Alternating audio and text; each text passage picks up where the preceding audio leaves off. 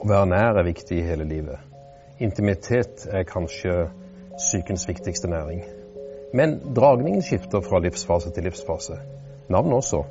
Mamma, bestevenn, elsker, kjæreste. For barn, kanskje barnebarn. Mange mener at det er livets mening. Bli med til Louis og Merete.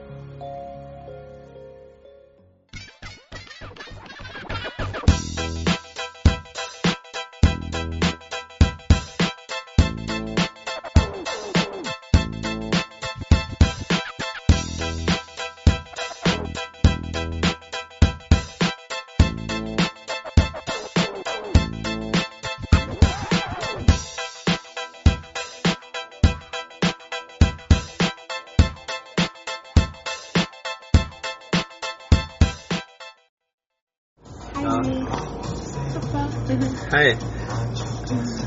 Beste filmen nå? Nå skal vi inn på sykehuset, men det er ikke sånn kjempemange rier. Men vi har vært der før. For to dager siden. Det er fordi vi lengter etter det. Lyden av ei rie kan vi høre i bakgrunnen.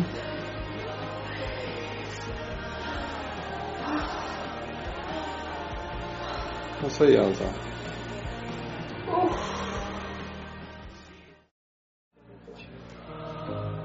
De hei- de heter Louis alle sammen. Louis er et lite menneske som ble født mens vi gjorde opptakene til denne serien. Mor fødte, far filma, og så var livet i gang. Ja, du er pappaen din, du. Hjernen starter utviklingen i fosterstadiet, og den kommer som et sånt halvferdig produkt når det fødes. Men det er veldig mye som står igjen på det tidspunkt. Fordi at man må føde med et litt lite hode for å få barnet ut av, av, livmoren til moren. Så det skjer veldig mye utvikling av hjernen i tidlig fase i barndommen, i spedbarnsalderen og videre oppover. Etter hvert blir hjernen litt mer satt, men den er fortsatt fleksibel nok til at du kan forandre den sent i livet. Ikke bare hjernen, men hele personligheten tar form i denne første tiden. Og nærheten mellom mor og barn er det viktigste i hele universet. For begge to.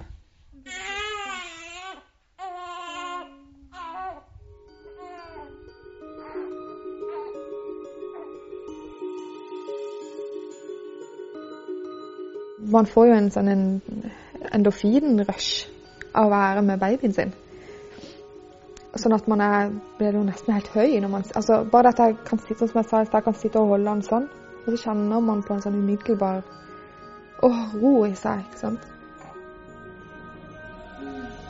Den er et behov for å være nær hele tida. Og så den andre tingen at det gjør vondt å være borte. Og så er det også det der fysiske, eller det rent sånn at mm, når jeg ammer han, så skiller jeg ut eh, et hormon. Det er oksytocinhormonet, tror jeg det heter, og det er jo det som skilles ut når man er forelska. Forelskelse er kanskje den følelsen som virkelig trår hardt på belønningsmekanismen i hjernen. Og det vil være synd å ikke, ikke få med seg det i løpet av livet sitt. Og selv om det da bare var et år eller to, så er det tross alt et år eller to med mye gleder.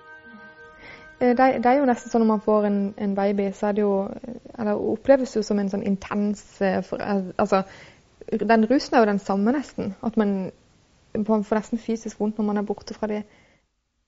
Et eksempel, da. For jeg skulle til tannlegen, tannlegen bare to uker etter eh, fødselen. Og så eh, Da skulle jeg være borte i én time. Og da var det sånn at jeg hadde hjertebank da jeg satt i tannlegestolen. Jeg var nesten irritert på tannlegen fordi han tok meg vekk fra Louis. og, det det føltes nesten sånn Altså det var fysisk vondt å være vekke fra han. Og det føltes som en, en del av det her borte. Man, for dette skillet mellom baby og mamma er jo at man vet ikke helt hvor den ene begynner og den andre slutter. Og sånn, sånn føles det nå, egentlig. Det er ikke sikkert alle lengter etter kjærlighet, men alle trenger kjærlighet. Eh, Det fins ikke et menneske hvis det ikke har fått en dose av omtanke og omsorg i tillegg til nødvendig fysisk pleie. Altså sinnet vårt, særlig når vi er små barn, eh, vokser jo ved at eh, andre har oss i sitt sinn ved at vi blir tenkt om og blir følt om. Hvor skal vi? Hvilken etasje? Andre? Er vi nå? Andre.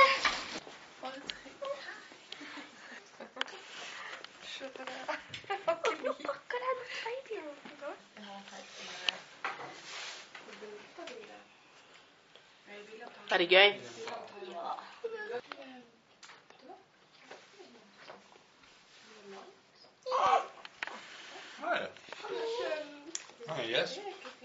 Det er ganske ok å bli tenkt og følt om, selv om vi ikke alltid innrømmer det.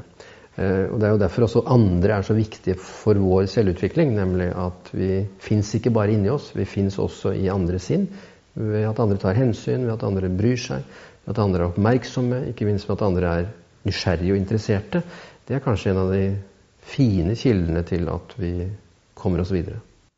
Og akkurat jeg leste noe om at, at babyen og at jeg er jo ikke fagperson, men baby, og de, de lærer jo noe om seg sjøl ved hjelp av å se på mammaen. Se på det blikket, da. Sånn at det, når han ser at jeg er glad i han, så, så på en måte bekrefter det han, han sjøl. Altså hans eh, selvbilde. Så Derfor er det også sånn at noen ganger jeg sitter og ammer sånn timevis, at man nesten får dårlig samvittighet hvis man ser vekk. For dette det der, eh, for det, det er så mye å si, det der med at man får øyekontakt og for, at, for de sin egen uh, følelse av verdi. da. Lille magen.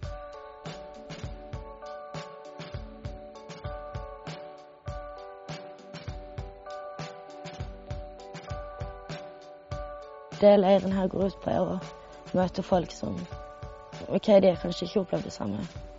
Kanskje noe lignende. Kanskje ikke i det hele tatt. Men de har jo hatt de samme følelsene.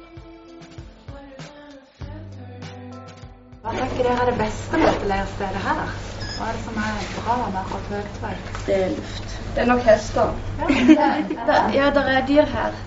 Og dyreterapi. Ja. Og der er, alle, der er jo flere som sitter med en kattunge hver. Vi lærer nærhet av hverandre. Men vi kan også lære masse av nærheten til dyr.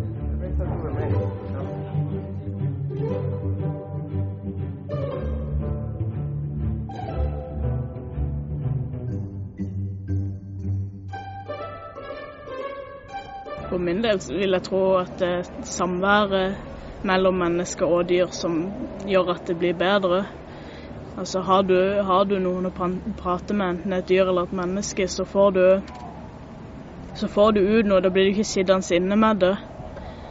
Uh, og det er ofte, ofte noe som kan gjøre det vanskeligere, vanskeligere for en person. Det at de, de sitter inne med alt de, tenker og føler og ikke får sagt. Og da får de heller ikke noe hjelp på en måte til det.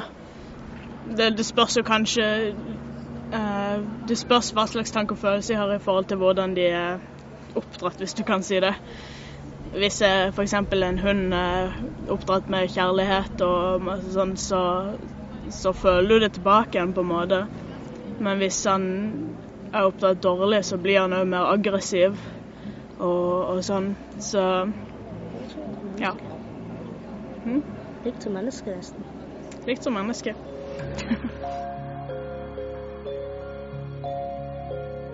Jeg vet ikke, men jeg husker fra min ungdomsår hadde mange kjærester, og det varte jo en uke av gangen. Og sånn, ikke sant? Og, men det var noe med det at ja, det ble kjedelig, og det var så godt. Det kjedelige er et ord som passer bra. for det er alt, altså Når man er forelska, så blir alt veldig farga av det. ikke sant? Så man, man blir jo er feil å si, kanskje det er dumt å bruke det ordet, man blir jo litt høy ikke sant? På, på naturlig rus. da. Og, og alt oppleves som man kan klare alt. Så man blir verdensmester. ikke sant? Man kan virkelig klare alt. Og, og så når det går vekk, så blir det litt kjedelig, ja. Det gjør det. Den typiske forelskelse er ment å være i sånn brått der og da, uten omtanke, uten vurdering om denne er en god partner eller ikke. Og, og så la det stå til. Og så skal det da gradvis gå over i noe som er mer en varig kjærlighet, hvis man er heldig og får, får til det. Store filosofer har laget uendelig mange versjoner av kjærligheten. Det er erotisk kjærlighet, og det er morskjærlighet, og det er kjærlighet til partneren, og det er forelskelse, som noen mener ligner mer på en sykdom eh, enn sunnhet. Men kanskje det er en fin blanding av begge to. Og så er det seksualitet. Det fins mange, mange varianter i dette her. Eh, det som kanskje er mest avgjørende eh, for en slags sunn selvutvikling, eh, det er den form for kjærlighet som handler om omtanke og omsorg.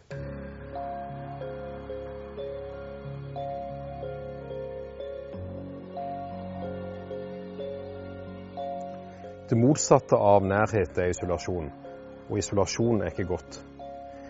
Vi kan bli så begjærlige i vårt ønske om nærhet at vi blir dominerende og støter den andre fra oss.